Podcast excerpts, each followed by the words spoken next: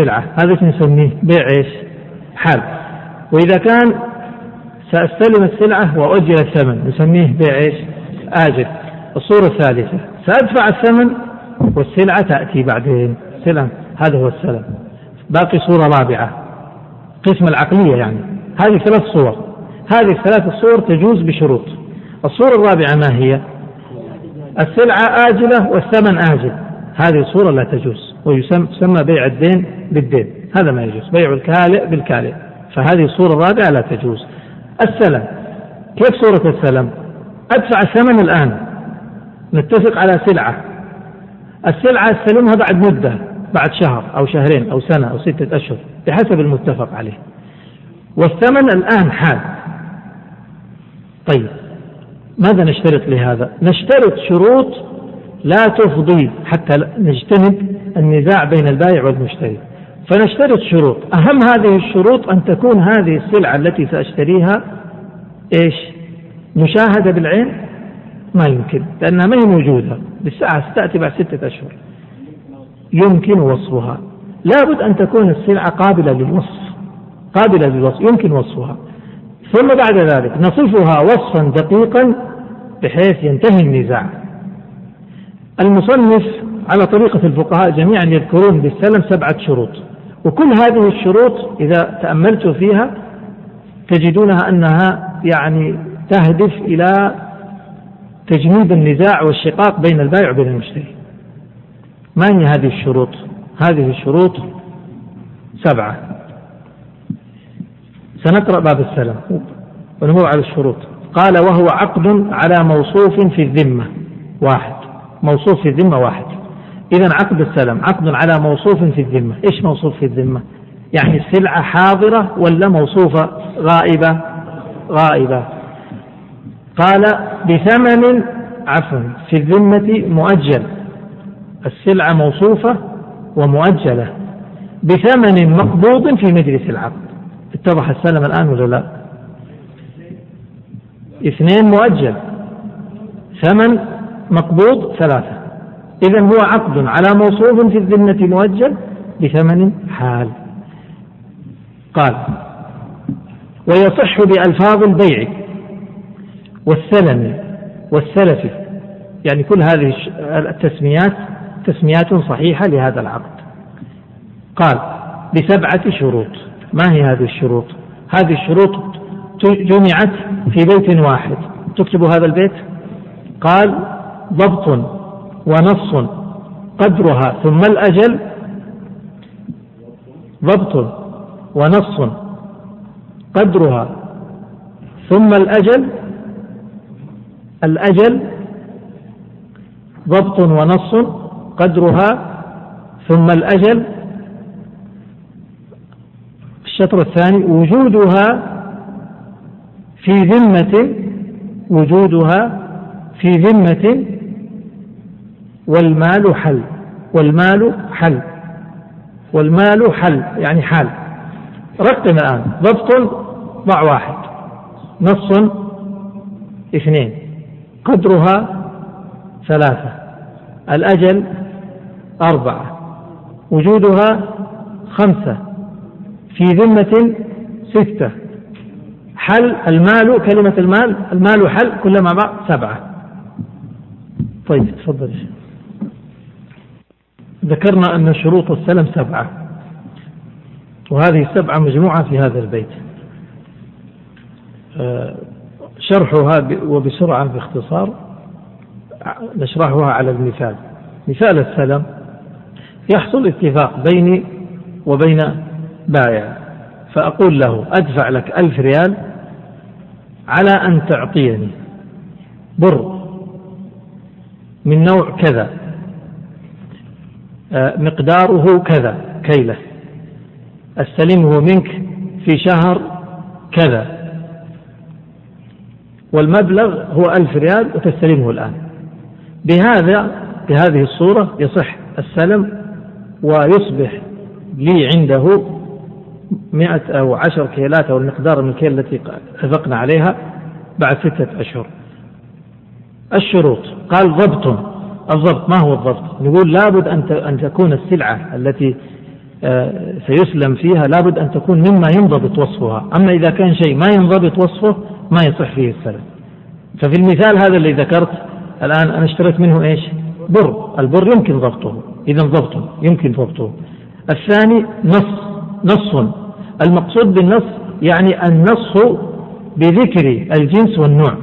فأقول بر من نوع كذا فأصفه بالأنواع. وإيش أنواع البر ومكانه؟ فأحدد. أقول بر مثلا عماني كذا. أنا حقيقة قليل الخبرة بأنواع البر. مثلا جيزاني آه، من نوع كذا من آه، صنف كذا نمرة واحد نمرة اثنين من الكلام الذي تعرف عليه أهل السوق. إذا هذا هو النص على نوعه. قال قدرها. الآن لاحظوا اتفقت معه على بر نوع من جيزان. أو جيزاني نوع رقم واحد. قدرها يعني إيش؟ لابد نحدد كم كيلة. فأقول له اتفقت معه على مئة كيلة. هذا قدرها. الأجل لابد أن أحدد معه أحدد له موعد لتسليم هذا البر فقلت سلمني إياه متى؟ بعد ستة أشهر. وجودها لابد أن يكون هذا الأجل أن تكون هذه السلعة توجد في الأجل فأنا إذا طلبت منه بر البر يوجد متى؟ في الصيف ولا في الشتاء؟ ها؟ في موسمه. موسمه متى؟ الصيف ولا الشتاء؟ ها ولا ما تعرفون؟ في الصيف؟ الظاهر في الشتاء. ها في الشتاء. طيب فما أذكر له موعد يستحيل أن يكون موسم للبر. فهمت؟ مثل اللي يطلب الفاكهة في الشتاء. الفاكهة ما تجي في الشتاء تجي في الصيف. فإذا لابد أن تكون توجد في هذا الموعد تقريبا. وجودها. قال في ذمة. يعني لابد أن تكون أن يكون العقد على بر في الذمة. مش بر موجود أمامي. ما أقول له أعقد آه، معه على هذا البر. لابد يكون في الذمة. قال والمال حل. يعني لابد أن يكون المال مدفوع في المجلس. واضح هذه الشروط؟ إذا اتفقت معه صار العقد هكذا. بر. جيزاني. قدره مئة كيلة. آه يسلم بعد ستة أشهر. وهو في ست بعد ستة أشهر يمكن أن يكون موجود موسم للبر مثلا. والبر غير موجود في الذمة. والمال مدفوع. المبلغ كم؟ ألف ريال. تفضل هذه الألف ريال. بهذا توفرت شروط السلم فصح السلام الآن اقرأ علينا الشروط. أحدها. تفضل. أحدها انضباط صفاته بمكيل وموزون ومدروع نعم. انضباط الصفات يقول الذي ينضبط صفاته المكيل ينضبط والموزون ينضبط والمعدود والمذروع ينضبط والموزون ينضبط. طيب المعدود المعدود يقول بعضه ينضبط وبعضه لا ينضبط. فما كان من المعدودات منضبط؟ جاز السلام. وما كان لا ينضبط لا يجوز السلام. أكمل. وأما المعدود المختلف كالفواكه والبقول والجلود والرؤوس والأواني المختلفة المختلفة الرؤوس. المختلفة الرؤوس والأوساط يعني المختلفة الرؤوس أو المختلفة في الأوساط كالقماقم. هذا هذه أمثلة ذكرها المصنف. ما لها شغل الآن. الآن ما ما يصح أن نبني عليها. ليش؟ لأنه الآن قد يكون عندنا مثلا أواني ما تنضبط. لأن المصانع اليوم تخرج منتجات منضبطة في في في صفاتها. فإذا كان ينضبط لا لا بأس. لكن كلام المصنف على أواني تصنع في الزمان مثلا باليد فما تنضبط صفاتها ما ما تطلع مثل بعضها. فيكون الأول يعني يختلف عن الثاني والثاني لا يشابه الثالث وهكذا. قال والأسطال الضيقة الرؤوس هذه كلها ليست ليست من الدين ليست شريعة هذا هذه أمثلة. أمثلة لما لا ينضبط في عهد المصنف. زمان زماننا يعني نتعامل معه بحسب حاله. فما كان ينضبط من الصفات أيا كان. يجوز السلام فيه. وما لا ينضبط من الصفات ما يجوز السلام فيه. تفضل. والجواهر والحوامل الجواهر يقولوا ما تنضبط صفاتها. ما تطلع جوهرة مثل الثانية. تفضل. من الحي... والحوامل من الحيوان. الحامل من الحيوان. يعني كيف؟ يعني يشتري منه سلما مش حيوان يشتري منه حيوان حامل. يصح هذا ولا ما كيف يضبطه؟ لا ينضبط. نعم. وكل مغشوش. كل مغشوش يعني كل مخلوط. كل مخلوط بشيء ثاني. يقول لا ينضبط. نعم. وما يجمع أخلاقا غير متميزة. ما كان مكون من خليط لا يتميز. مثل الغالية نوع من الطيب والمعاجين يقول فلا يصح السلم فيه. هذا الكلام الذي ذكره المصنف نقول ليس على إطلاقه. اليوم يمكن أن يعني تشتري سلعة مخلوطة ومغشوشة ومكونة من مواد مجموعة وبنسب ثابتة كما يعني كما هو حال الصناعة الحديثة. ولا تختلف يعني تنضبط. فإذا كان ينضبط فيجوز السلم فيه. إذا قول المصنف إذا كان مغشوش أو مخلوط لأن الغالب في زمن المصنف أنه المخلوطات ما تجي مضبوطة ما تنضبط.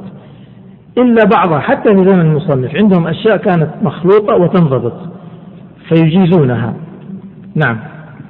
ويصح في الحيوان والثياب المنسوجة طبعا في الحيوان غير الحامل. يعني مثلا أعطيك ألف ريال وأقول أشتري منك راسين غنم صفتها كذا آه، أستلمها منك بعد ستة أشهر. وأصف الحيوان هذا.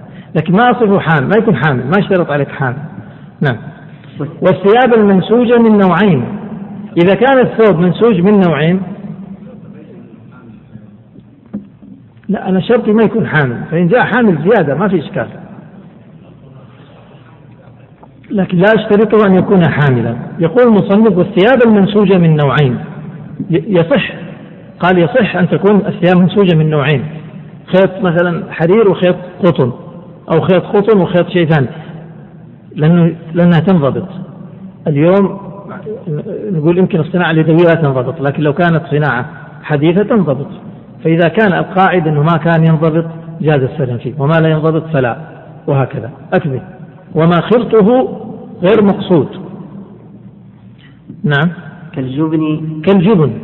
يقول أحيانا أشياء تكون مخلوطة لكن الخليط اللي معها ما هو مقصود مثل الجبن. الجبن مخلوط بإنفحة. الإنفحة ما هي مقصودة المقصود الجبن وإن كان فيه شيء ثاني من غير الجبن وهو الإنفحة يقول يجوز السلم في الجبن وإن كان مخلوطا بشيء ليس مقصودا يعني ما كان معه شيء مو مقصود. مثل الجبن ومثل خل التمر. يقول خل التمر مخلوط لأن فيه ماء فيه شيء من التمر وفيه ماء. لكن المقصود الآن إيش؟ الماء ولا الخل؟ الخل. قال ومثل السكنجبين إيش السكنجبين هذا مثال ما نعرفه نحن الآن طبعا هم في زمانهم يقول هذه مادة مكونة مركبة من السكر والخل من السكر والخل. فالمقصود فيه السكر ما هو الخل؟ يقول يجوز هذا لأن خلطه غير مقصود ما كان آه، مع هذا الأصل ليس مقصودا. إذا الشرط الأول أن يكون يمكن ضبط صفاته. الشرط الثاني تفضل. الثاني ذكر الجنس والنوع الجنس كان نقول بر النوع كان نقول إيش؟ آه جيزاني نعم. الجنس أنا أقول تمر النوع أقول سكري أو بلحي. نعم. وكل وصف يختلف به الثمن ظاهرا. أي صفة يتغير الثمن بسببها لابد أن تذكر ما تترك. نعم. وحداثته وقدمه. يعني اشترط أن أقول حديث أو قديم. نعم. لابد من ذكر ذلك أن يفضي للخلاف. إذا لم أشترط. نعم. ولا يصح شرط الأردى إيه؟ أو الأجود. بل جيد ورديء. ما أقول ما يجوز أن أشترط عليه تمر أجود نوع ما يصح. بل أقول نوع جيد. لأن كل نوع إذا قلت أجود نوع سندخل في علم الغيب. كيف نعرف هذا أجود نوع؟ وكل نوع يمكن أن يكون أجود منه فلا يصح. لكن أقول جيد أو رديء أو متوسط. وبعدين نحتكي لأهل الخبرة. هل هذا يصنف في الجيد؟ إذا يصنف في الجيد خلاص. يصنف في الرديء؟ نعم. أما أقول هو أجود هذا صعب ضبطه. أكمل. فإن جاء بما شرط أو نعم. أجود منه من نوعه. نعم. وإذا جاء به كما شرط أو أجود مما شرط بس من نفس النوع. صح ذلك. ولو قبل محله قبل محله يعني قبل وقته. الآن أنا شرطي عليه بر من جيزان بعد ستة أشهر. فجاب لي بر من جيزان أنا كنت شرطت بر من جيزان مثلا درجة ثانية. فجاب درجة أولى وجابها قبل قبل الموعد بشهرين يعني جابها بعد أربعة شهور. يلزمني آخذها ولا ما يلزم؟ ما هو على إطلاق. قال ولو قبل محله ولا محله ولا ضرر في قبضه لزمه. إذا كان ما في ضرر علي في القبض إذا آخذه غصبا عني. لكن إذا كان في ضرر عليه في القبض أنا قلت بعد يعني طلبت بعد ستة أشهر موعدي ستة أشهر. فلما جابها بعد أربعة أشهر غرني ليش؟ ما عندي مستودع سأضطر أستأجر سأضطر أنقل سأضطر ما يلزمني آخذ. أو ما عندي زبائن الآن أو أخشى عليها من السرقة أو أو إذا كان ضرر فلا. الثالث. ذكر قدره بكيل أو وزن أو درع يعلم. نعم. فإن أسلم في المكيل وزنا أو في الموزون كيلا لم يصح. إذا لابد أن أذكر كم كيلة أو كم وزنه أو كم ذراع. لابد من تحديد ذلك. وهنا مسألة ذكرها المصنف. يقول إن أسلم في المكيل وزنا. يعني إن اشتريت التمر بالوزن. ما قلت له 100 كيلة تمر. قلت 100 كيلو تمر. يصح هذا سلام ولا ما يصح؟ أو في الموزون كيلا. إيش قال المصنف؟ يقول المصنف لا يصح. طيب ليش ما يصح؟ وعنه يصح والصحيح أنه يصح. تعرفون ليش؟ لأنه عندما نقول الكيل الكيل نشترطه في التمر هذا إذا بيع بالتمر لتحقيق التماثل الشرعي. أما التمر بيع التمر لو بعت التمر بالحبة ما في محظور شرعي. لو بعته بالكيس ما في محظور شرعي. لو بعته بالنخلة ما في محظور شرعي. فإذا قول المصنف وإن أسمل في المكيل وزنا أو في الموزون كيلا لم يصح هذا على رواية وعنه اكتب عندها وعنه يصح يعني عن الإمام أحمد أنه يصح وهذا هو الصحيح. هذا ما ما في إشكال ما في تماثل الآن. لكن متى اشترطنا التماثل؟ نقول لا يصح التماثل إلا بالكيل إذا لابد أن يباع بالكيل. واضح المسألة يا مشايخ؟ طيب أكمل يا شيخ. الرابع. ذكر أجل معلوم له وقع في الثمن. لابد أن يكون له أجل أجل معلوم لا يكون مجهول. لابد من أجل ومعلوم. في مثال هذا البر لابد أن يكون له أجل يعني أقول بعد ستة أشهر. ستة أشهر أجل. ومعلوم ما قلت تعطيني تعطيني هذا البر بعد عدة أشهر. لو قلت عدة أشهر كان أجلا مجهولا. قال أجل معلوم له وقع في الثمن. طيب لو قلت أجل يعني الأجل اللي اتفقنا عليه قلت بعد أربع ساعات. هذا أجل ولا ما هو أجل؟ أجل أجل. ومعلوم معلوم. لكن ما له وقع في الثمن. هذا كأنه حال. كأنه حال فلا يصح. لابد أن يكون أجل معلوم له وقع في الثمن لأن النبي صلى الله عليه وسلم هكذا اشترط في قال من أراد أن يسلم فليسلم في كيل معلوم ووزن معلوم وأجل معلوم. فاشترط الأجل المعلوم عليه الصلاة والسلام. إذا فلا يصح حالا ولا إلى الحصاد والجذاب لا يصح حال لأنه ما في أجل. حال أشتري منك البر الجيزاني الآن يصح ولا ما يصح؟ ما يصح. ولا إلى الحصاد ولا إلى الجذاذ لأن الحصاد والجذاذ مجهول. الحصاد والجذاذ مجهول والإقامة معلومة الآن. تفضل يا شيخ. عرفنا أن الشرط الثالث هو أن يكون آه، أن يكون هناك أجل معلوم له وقع في الثمن. فقوله ذكر أجل إذا لم يذكر الأجل فالعقد باطل. قال معلوم فإن ذكر أجلا مجهولا كإلى الحصاد أو الجذاذ فالعقد باطل.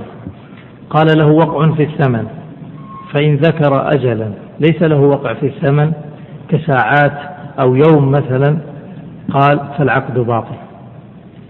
قال فلا يصح حالا لأنه اشترط الأجل. وقلنا قال النبي صلى الله عليه وسلم فليسلف في كيل معلوم وفي ووزن معلوم وفي إلى أجل معلوم. قال ولا يصح حالا ولا إلى الحصاد والجذاب ولا إلى يوم. لماذا؟ لأن اليوم الواحد يعتبرون أنه ليس له وقع في الثمن. قال إلا في شيء يأخذه, يأخذه منه كل يوم. كخبز ولحم ونحوهما. يعني كأن يكون العقد على خبز أو على لحم كل يوم يحضر له آه، خبزا أو كل يوم لحما لمدة سنة أو لمدة شهر أو لمدة أشهر. هذا عقد سلم. إذا يعقد معه عقد سلم آه، تحضر لي كل يوم في الشهر آه، جميع أيام الشهر في كل يوم خبزا. مقدار معين من الخبز أو مقدار معين من اللحم أو مقدار معين من اللبن فيصح ذلك. قال الخامس أن يوجد غالبا في محله هذا الشرط الخامس.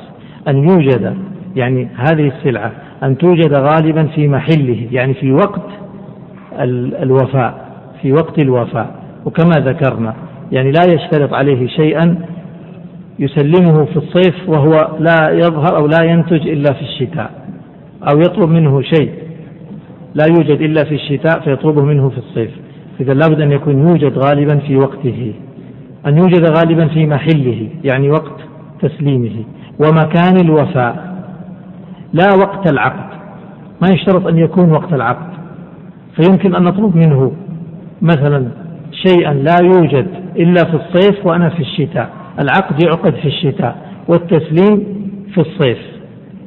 لابد أن تكون هذه السلعة توجد غالبا في الصيف ولا في الشتاء؟ نقول في الصيف العبرة بزمن التسليم مش بزمن العقد. قال لا وقت العقد. فإن تعذر أو بعضه إن تعذر كله يعني أو بعضه فله الصبر أو فسخ الكل أو البعض يعني في حال تعذر الكل يفسخ الكل في حال تعذر البعض يفسخ البعض ويأخذ الثمن الموجود أو عوضه. الآن في المثال الذي ذكرت وهو شراء البر الجيزاني. بعد ستة أشهر يسلمني هو في شهر ستة مثلا. إذا جاء الموعد فما ما سلمني البر. أو سلمني بعض البر. أنا اشتريت عليه مئة كيلة. سلمني خمسين. فلي الحق؟ لي الحق ماذا؟ أن أصبر أو أن أفسخ الخمسين الباقية. أستلم الخمسين وأفسخ الخمسين الباقية. ما سلمني شيء. لي الحق أن أفسخ المئة كاملة وآخذ الثمن الموجود. إذا كان الثمن الذي دفعته موجود آخذه. أو عوضه. يعني إذا كان الثمن غير موجود فآخذ العوض. ما هو العوض؟ العوض مثل المثل وقيمة المتقوم.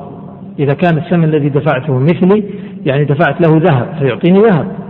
دفعت له فضة يعطيني فضة. دفعت له ريال يعطيني ريال. هذا مثل المثلي أو قيمة المتقوم. هب أني أعطيته ساعات مثلا. ما يستطيع يرد نفس الساعات ما هي موجودة؟ فيرد لي قيمة هذه المتقومات.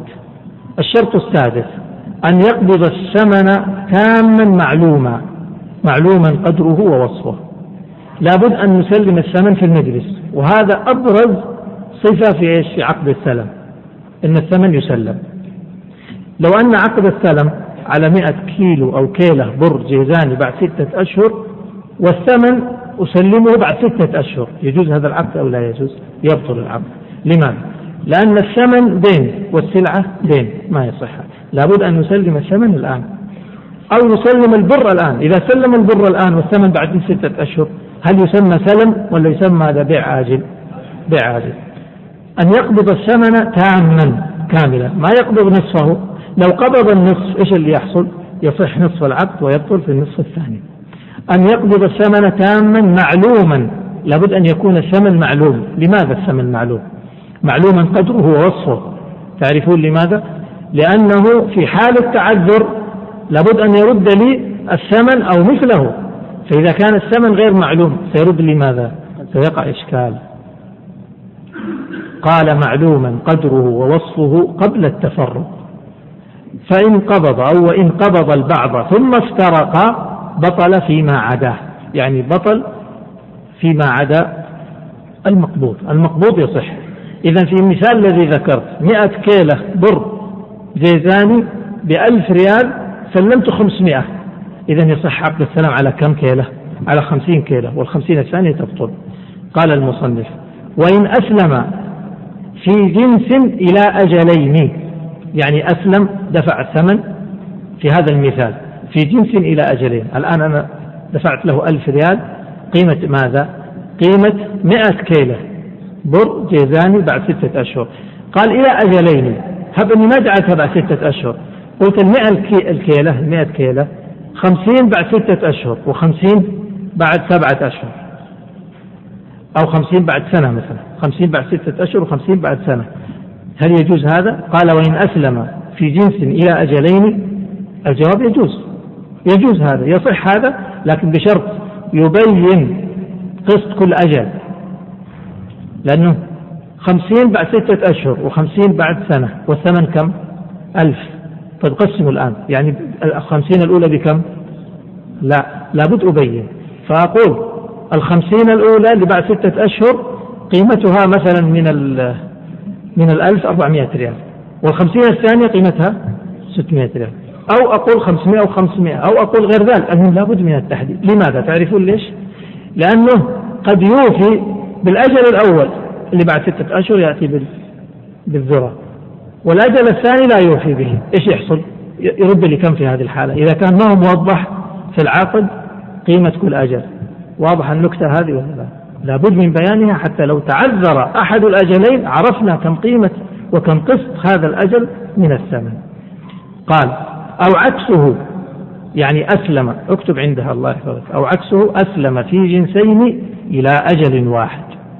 حتى تتضح أسلم في جنسين إلى أجل واحد. مثاله كيف؟ في هذا المثال اللي قلت أنا قلت له 100 كيلو بر. لا خلونا نغير الآن. نقول 100 كيلو 50 بر و50 شعير. بألف ريال يصح هذا ولا ما يصح؟ يصح لكن في شرط. لابد أن أحدد قيمة الأول وقيمة الثاني.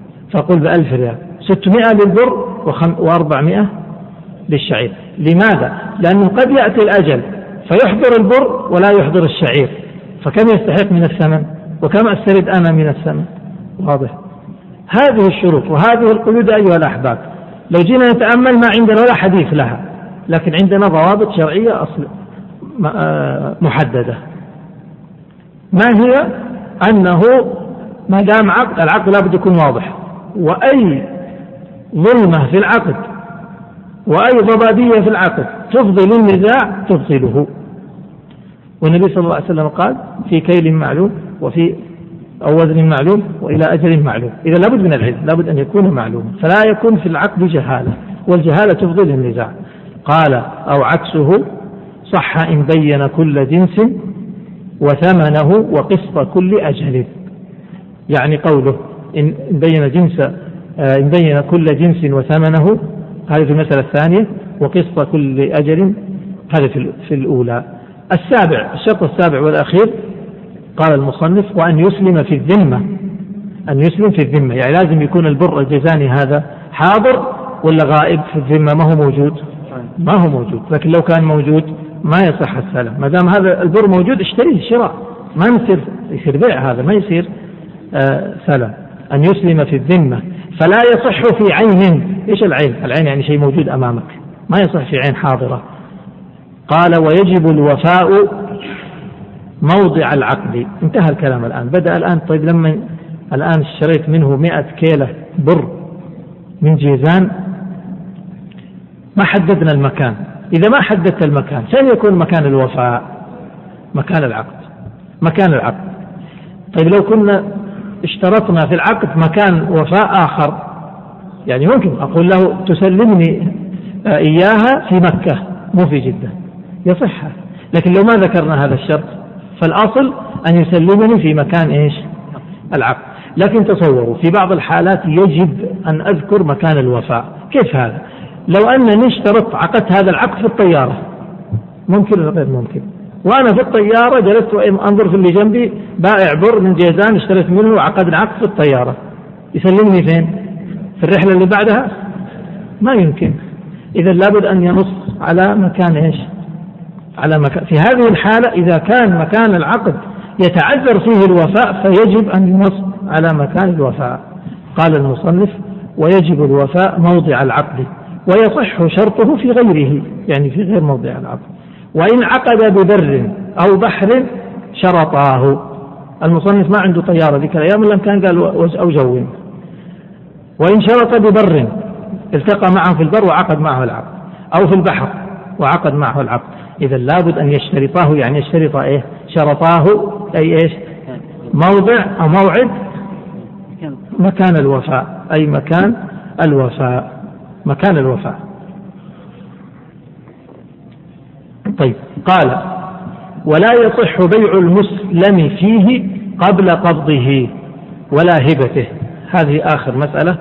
يقول الآن في مثالنا هذا. أنا الآن اشتريت البر اللي من جيزان هذا. قال لا يصح بيعه قبل قبضه.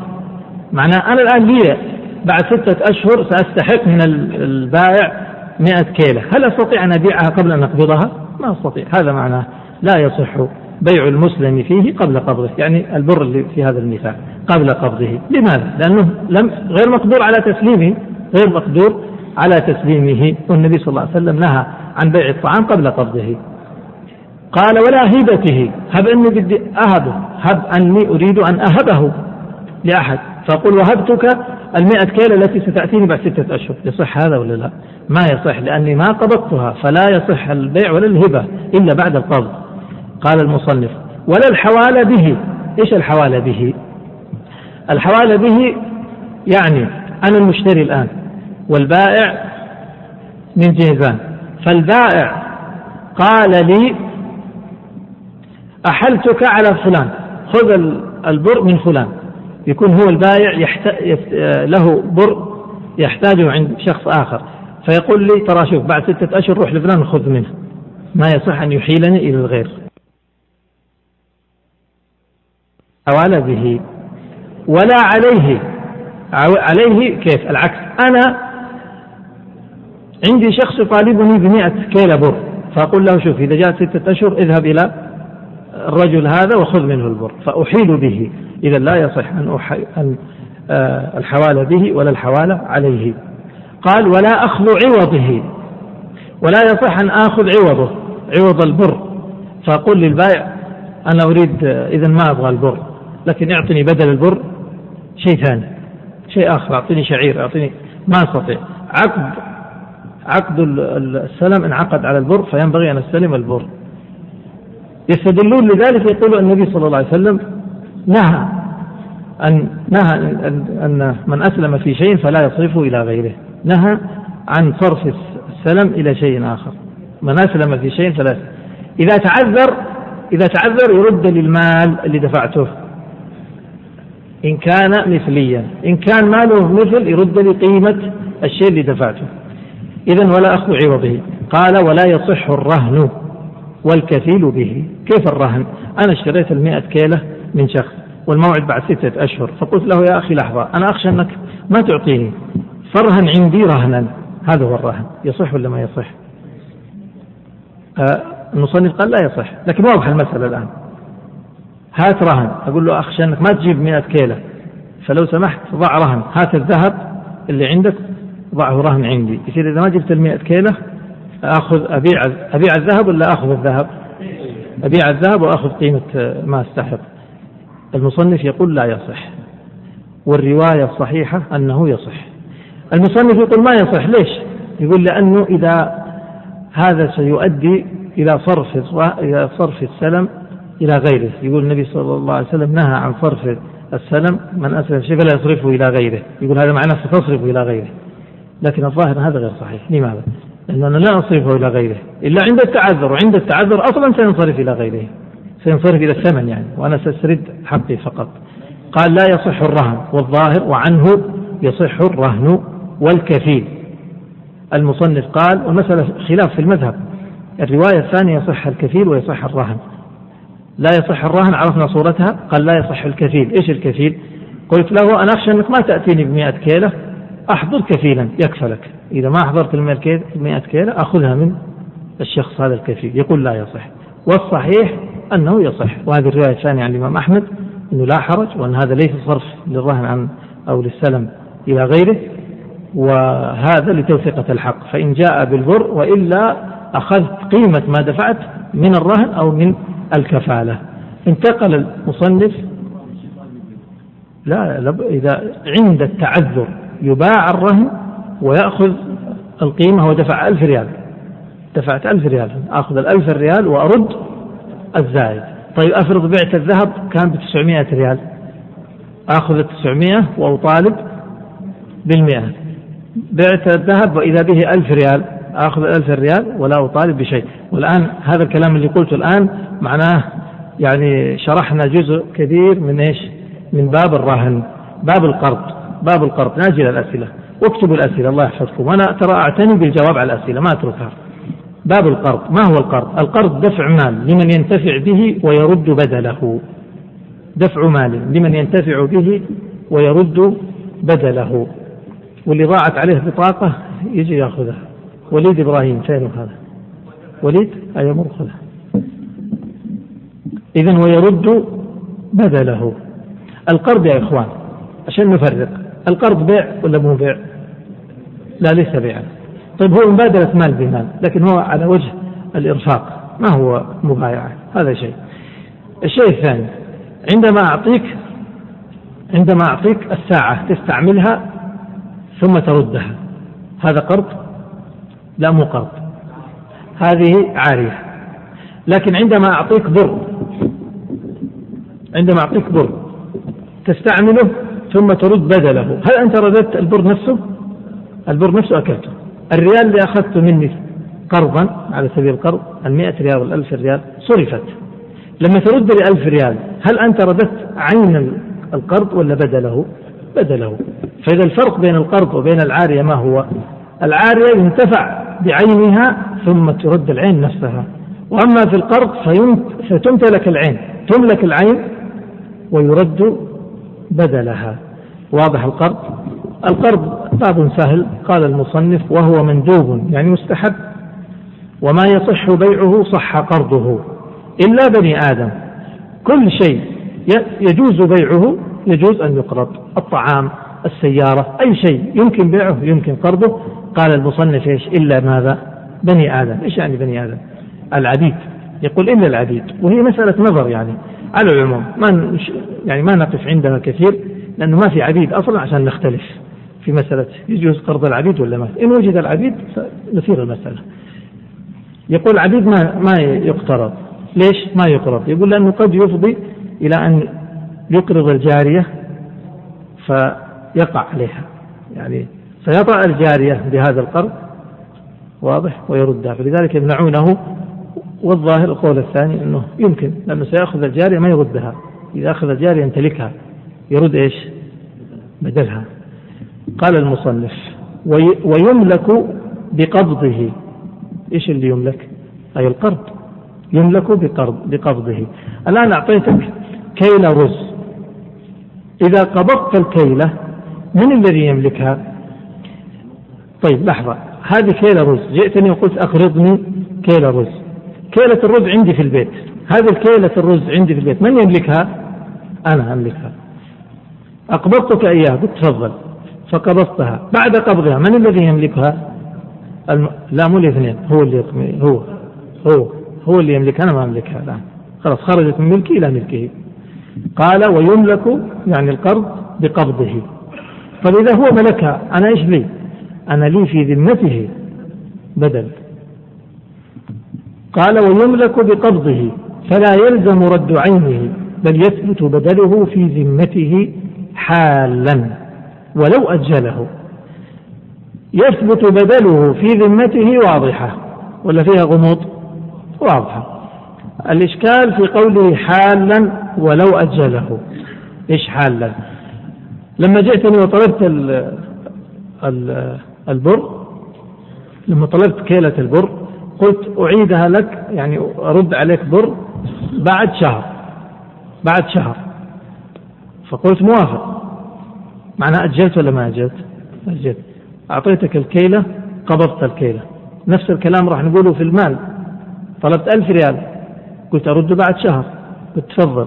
لما قبضت الألف ريال من يملك الألف ريال الآن؟ المقترض. حالة ولا مؤجلة؟ الآن هو اشترط علي شهر وأنا وافقت. تصير حالة ولا مؤجلة؟ يعني بالعقل تصير مؤجلة ولا لا؟ بكلام المصنف إيش تصير المصنف يقول حالا ولو أجله. يقول ما في حتى لو أجله لو قال بعد شهر وافقت يبقى حال. وينبني عليه إني يمكن أن آتيك من الغد والموعد شهر. آتيك من الغد أقول هات الألف ريال. يلزمك أن ترد لي عينها ولا بدلها؟ بدلها. واضح المسألة. يقول المصنف لا يصح تأجيل القرض لأن القرض لو صح تأجيله يعني عقد التأجيل يشبه الربا. هذا هو يقول بيشرطوا من الربا هم. فيقولون لو صح التأجيل لا يشبه الربا. واضح يا إخوان؟ الرواية الثانية عن الإمام أحمد اكتب وعنه يصح تأجيله وهذا هو الصحيح. يصح تأجيله وهو لا يشبه الربا أصلا لأن النية مختلفة. هذه نية قرض وذاك نية ربا. وعنه يصح تأجيله يصح تأجيله. معناه على الرواية الثانية إذا اقترضت الألف ريال واتفقنا على الرد بعد شهر متى أستطيع أن أطالبك؟ بعد شهر. قال المصنف فإن رده يعني قص رده بعينه فإن رده المقترض لزمه قبوله. إن رده المقترض لزمه قبوله. أنا أعطيتك الألف ريال. رديت الألف ريال نفسها. أقبلها ولا أقول لا أريد بدلها؟ أقبلها. أعطيتك كيلة بر. فرديتها كما هي. أقبلها ولا ما أقبلها؟ أقبلها. لكن بشرط ما تكو لا تكون قد تغيرت ولا تعيبت. أما إذا تغيرت أو تعيبت فلا لا أقبلها. لا أقبل إلا مثل ما أخذت. قال المصنف وإن كانت مكسرة يعني يقصد إذا كانت النقود مكسرة مجزأة ربع وثمن وهكذا الدنانير آه، آه، مكسرة. أو فلوسا أو كانت فلوسا. إيش الفلوس؟ الفلوس من غير الذهب والفضة أي من غير الذهب والفضة. عملة قديمة يسمونها الفلوس مفردها فلس. عملة قديمة تستعمل وتصنع من غير الذهب والفضة معدن. فهذه لا هي ذهب ولا هي فضة لكنها معدن. وتعامل معاملة النقد يعني يتبايع بها الناس ويشتري ويشترون. قال وإن كانت مكسرة يعني الدنانير أو كانت فلوسا فمنع السلطان المعاملة بها ألغاها. ألغى المعاملة بهذه. فإيش لي؟ قال فله القيمة وقت القرض. ليش هذا الكلام؟ الآن كنا نتعامل جئتني قلت أعطني فلوس. فأعطيتك فلوس أعطيتك يعني العملة النقدية هذه. أخذتها. لما أخذتها متى تردها بعد سنة. بعد ستة أشهر ألغيت هذه العملة. لو رديت العملة هذه بالنسبة لي أنا ضرر لا قيمة لها. واضح المسألة؟ أعطيتك شيء له قيمة فترد لي شيء ليس له قيمة. يقول المصنف في هذه الحالة لا يردها وإنما يرد قيمتها وقت القرض. لما أعطيتك الفلوس كم كانت تسوى؟ تساوي كذا بالذهب مثلا أو بالفضة اعطني مثلها يعني ما يساويها. قال المصنف ويرد المثل في المثليات والقيمة في غيرها يعني في غير المثليات. هذه القاعدة مهمة جدا جدا في القرض. في القرض قلنا يثبت البدل. ما هو البدل؟ ما هو البدل؟ هذا هو البدل. البدل يختلف بحسب القرض نفسه. إن كان القرض مثليا فيجب أن يرد المثل يعني له مثيل فيرد مثله. وإن كان متقوما يعني ليس له مثل. ما له مثل في السوق؟ فيرد إيش؟ ترد قيمة هذا المتقوم. وهذه القاعدة. معناه لو أعطيتك بر ما تجي ترجع لي تمر ولا شعير. ترد لي بر لأنه له مثل. لكن لو أعطيتك شيء من الحلوى مصنوعة صنعناها في البيت يمكن ما في أحد يعرف يصنع مثلها إلا إحنا إيش ترد لي؟ ترد لي قيمتها. وهكذا إن كان شيئا ليس له مثيل في فيكون الرد بقيمة هذا المتقوم. ما في داعي نقف عند المذهب. ما هو المثلي في المذهب؟ المذهب المثلي فيه حقيقة يعني لا يوافق عليه في هذا الزمان. لأن المثلي في المذهب هو كل مكيل أو موزون لا صناعة فيه يصح فيه السلم بهذه الشروط. كل مكيل لابد يكون مكيل أو موزون ويكون ما فيه صناعة ويصح فيه السلم. وهذا الكلام اليوم يختلف لأنه الآن المثليات في الصناعات قد تكون أدق في المثلية من إيش؟ من المكيلات والموزونات. يمكن البر اللي آتيك يعني لو أتيتك ببر آخر يمكن ما يتشا ما يكون مثل البر اللي دفعته أو اللي أخذته لا يشابه يعني قد لا يشابه البر البر بينما قد يشابه تشابه الصنعة الصنعة المصنوعات أحيانا تكون أكثر تشابها وتماثلا من بعض المكيلات ومن بعض الموزونات. فلذلك يعني نقول القاعدة أن المثلي كل ما كان له مثيل والمتقوم ما ليس له مثيل. قال المصنف فإن أعوز المثل أعوز يعني تعذر اكتب تعذر. فإن أعوز المثل فالقيمة إذا وقت التعذر. اكتب عندها إذا يعني أي وقت التعذر. ما معنى هذا الكلام؟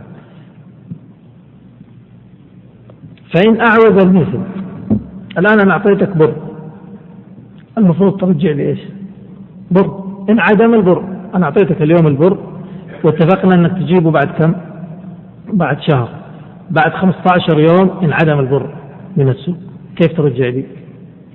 ترجع القيمة. القيمة متى؟ يوم واحد اللي استلمت فيه البر واليوم 15 اللي تعذر فيه البر.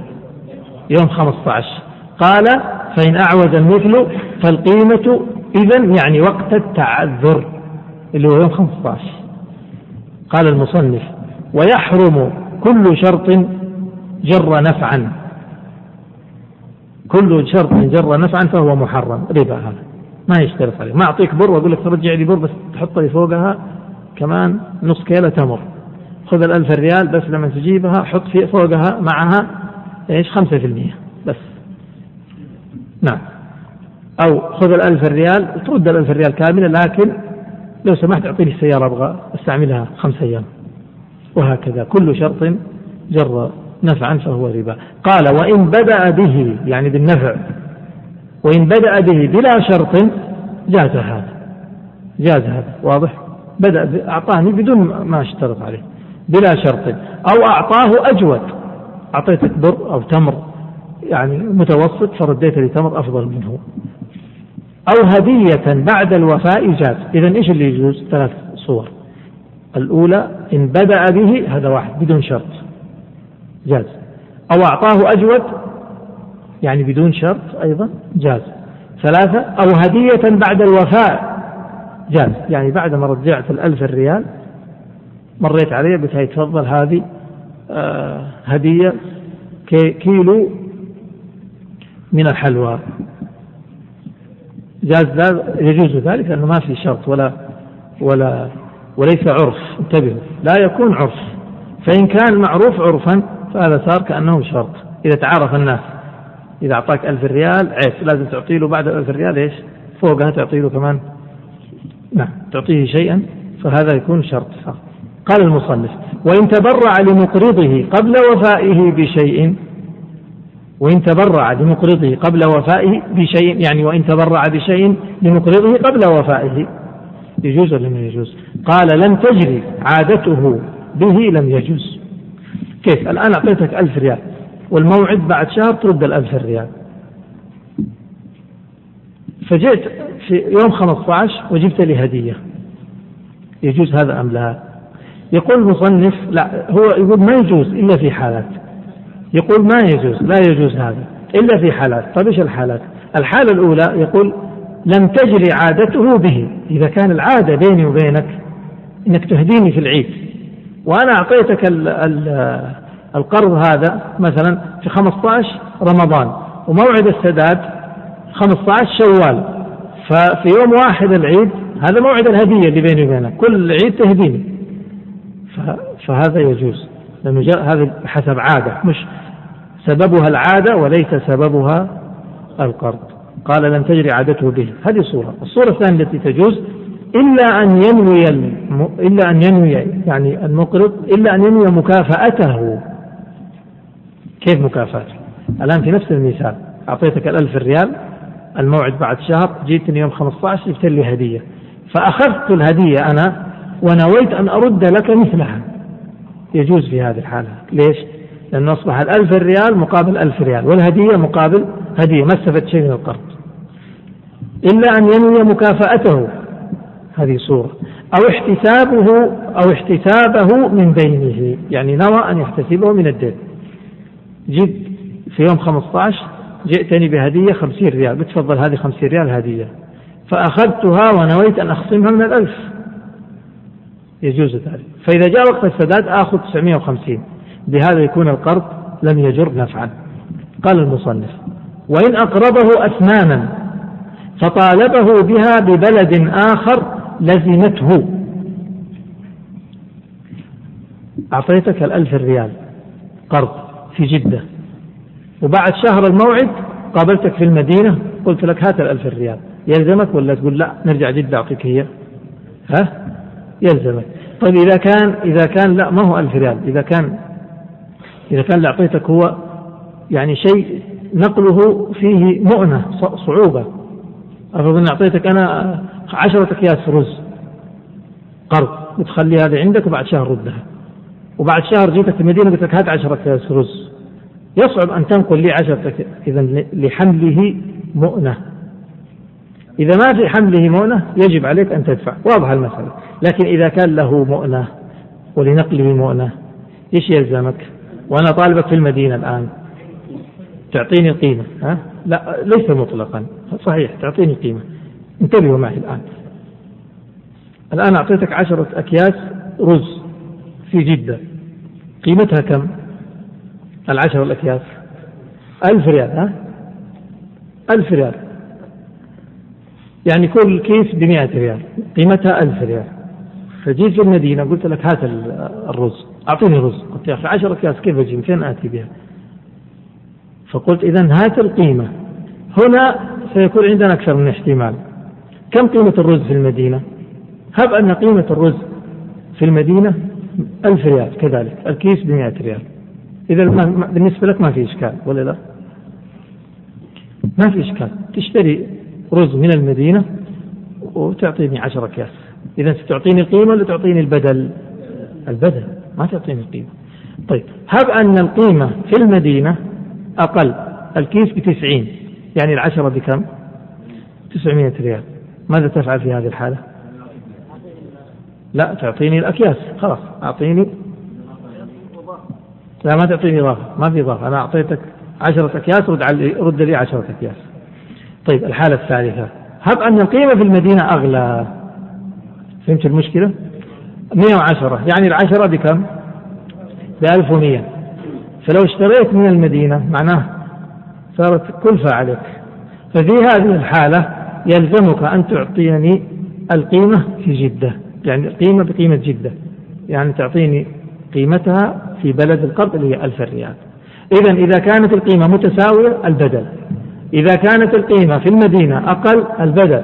إذا كانت القيمة في المدينة أغلى لا ما تلزم بالبدل لأن البدل بالنسبة لك مكلف وخسارة فتعطيني القيمة. واضحة المسألة؟ قال المصنف وفيما لحمله مؤونة قيمته إن لم تكن ببلد القرض أنقص. إن لم تكن ببلد القرض أنقص. والمشكلة في كلمة أنقص عند المؤلف الشراح وإمة المذهب. كثير منهم يقولون هذا سبق يعني سبق قلم. صوابه أكثر. عند كلمة أنقص اكتب صوابه أكثر. معناه وفيما لحمله مؤونة القيمة إن لم تكن القيمة في بلد القرض أكثر. يعني بمعنى إن كانت القيمة في بلد القرض أنقص نعم ويعطيه القيمة وإلا فيعطيه البدل. إذا الصور هكذا. إن كانت القيمة متساوية فالبدل. القيمة في جدة أغلى البدل. القيمة في جدة أنقص فيعطيه البدل ولا يعطيه القيمة؟ يعطيه القيمة. وبهذا نقف على باب الرهن وأخشى أن أقول لكم كلاما يعني آخر. أطلب منكم طلب فلا يلبى فالعاقل خلاص يختصر. نعم. نعم. لا حبذا أن تكتبوا الأسئلة أو تؤجل قليلا. خلونا نقرأ الآن الأسئلة. هذا السؤال يقول آه، ما الفائدة من بيع شيء متماثل فإذا كنت أملك تمر وآخر يملك تمر من نفس النوع فلماذا أبيعها؟ أنت لست ملزم بالبيع. نقول إن أردت البيع فبيعها بهذه الشروط. آه، كيس الرز والدقيق بالكيلو في هذه الأيام. بيع كيس الرز بالدقيق بالكيلو في هذه الأيام. إيش الحكم؟ إيش رأيكم أنتم؟ سريع اجلس. بيع كيس الرز بالكيلو أو الدقيق بالكيلو. يعني أنك تشتري ما في شيء. متى نشترط الكيل؟ إذا كنت ستبيع رز برز. هو في الحقيقة هذا شرط لشرط. يعني إذا بعت الرز بالرز نشترط التماثل. وإذا اشترطنا التماثل لا يتحقق إلا بالكيل فنلزمك بالكيل لتحقيق التماثل. بس أما إذا كنت تشتري بالريال لا حرج. يقول ما معنى التقابض؟ شرحتها. آه إذا كان اللحم المطبوخ آه لا يباع باللحم الني. ألا يتحقق ذلك التماثل بالوزن؟ لا. ما يتحقق بالوزن. لأن كيلو اللحم المطبوخ لا يساوي لحم آه كيلو لحم ني. ما يتساويان يعني. ما هم مثل بعض. التماثل كيلو ني بكيلو ني مثل بعض. أما مطبوخ لا. لأني لو طبخت الني لو طبخت كيلو آه ني إيش راح يصير فيه؟ ينقص وزنه؟ سينقص وزنه. معناه الكيلو المطبوخ في الحقيقة ما يساوي كيلو ني يساوي أقل وكم الأقل؟ ما نعرف فإذا لا يجوز. طيب إذا كان التمر أجود من التمر الآخر هل يكون كيلة بكيلة؟ نعم كيلة بكيلة. أحسن تمر بأردأ تمر. إذا أردت تبيعهما تبيعها كيلة بكيلة. إذا ما تريد هذا تقول هذا في إجحاف وظلم علي. نقول لا بأس بيع الجيد بالريال ثم اشتري الرديء بالريال. إذا كان المطلوب التماثل في في الجنس فما علة البيع من من فائدة من شراء كيلة بكيلة بر. ما ما قلنا في فائدة ما حد قال في فائدة الشرع ما قال لك في فائدة. الشرع يقول لا تبيع إلا بهذه الطريقة إن عجبك بيع ما عجبك خلاص. إذا ما وجدت في فائدة في هذه الطريقة بيع بالريال فقط. ما معنى ينقطع به به السعر؟ ينقطع به السعر قلنا إذا زي الحراج مثلا يعني يوقف السعر عليه. بكم يوقف السعر على هذه السلعة؟ سيزداد الناس ويقف السعر على ألف إلى ألفين من باع ربويا من باع ربويا بنسيئة. من باع ربويا. هذا هذا آه، الربوي ما هو؟ المكيل. يعني يعني باع مكيلا أو باع موزونا. هذا معناه. نسيئة يعني بالأجل. هذا معنى. ربوي يعني مكيل أو موزون. والنسيئة التأجيل. بيع النوى بتمر فيه نوى. واحد جمع. كيس نوى يريد أن يبيعه بالتمر والتمر فيه نوى يجوز ولا ما يجوز؟ يجوز ها؟ لأن النوى الثاني النوى الذي داخل التمر ليس ليس مقصودا. هات. يقول ما الفرق بين آه بيع بين السلم وبين بيع ما لا يملك؟ انتبهوا هو بيع ما لا يملك نفسه لكن بشروط.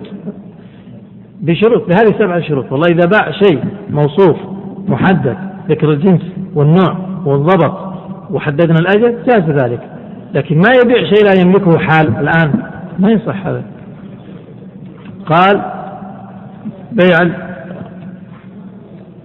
ها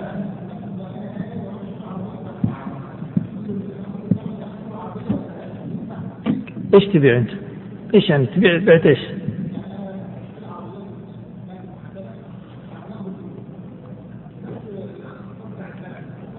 لما أخذت الفلوس الفلوس أخذتها على أي وجه؟ أخذتها إيش بيع ولا أخذتها وكيل ولا أخذتها؟ ما, ما بيش أخذت؟ يعني بعت على واحد وأخذت الفلوس إيش بعت؟ هنا هنا المطلوب. بعت سيارة محددة معروفة معلومة ما يختلف تختلف صفاتها؟ كذا؟ محددة؟ حددت موعد للتسليم؟ خلاص هذا السلام هذا هو السلام أما بعت سيارة مجهولة؟ لا ما يصح. طيب هذا يقول والله نحن بينهم بيع الجبن بالجبن من نوع آخر. يشترط تقابض وتماثل نعم. وإن كان مثل ما قلنا سكري و... و... وبرحي مثلا. إذا كان يشترط تماثل وتقابض أو تقابض أو لا يشترط فما الحكم في ما أدري والله ما فهمت. فما الحكم في